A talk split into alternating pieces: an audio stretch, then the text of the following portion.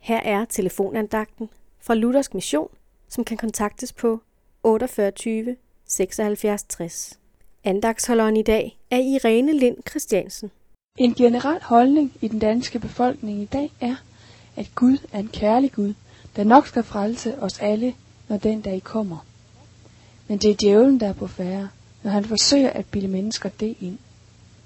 For så længe man bliver i den tro, er der jo ingen grund til at opsøge Gud, for at finde ud af, hvem han egentlig er. Vi er alle præget af egoisme, og ønsker ikke, at Gud skal diktere vores liv.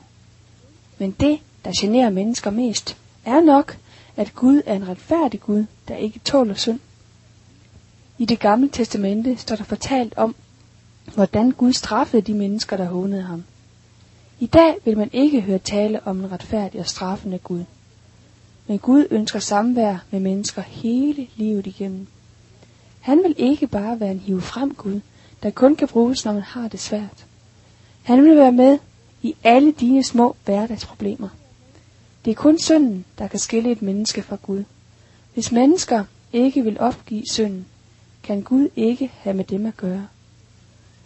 Men hvis man derimod bekender sin synd for Gud, så er han trofast og retfærdig og tilgiver os alt. Lad os i dag og alle dage gå frem for Gud med alt det, vi har på hjerte.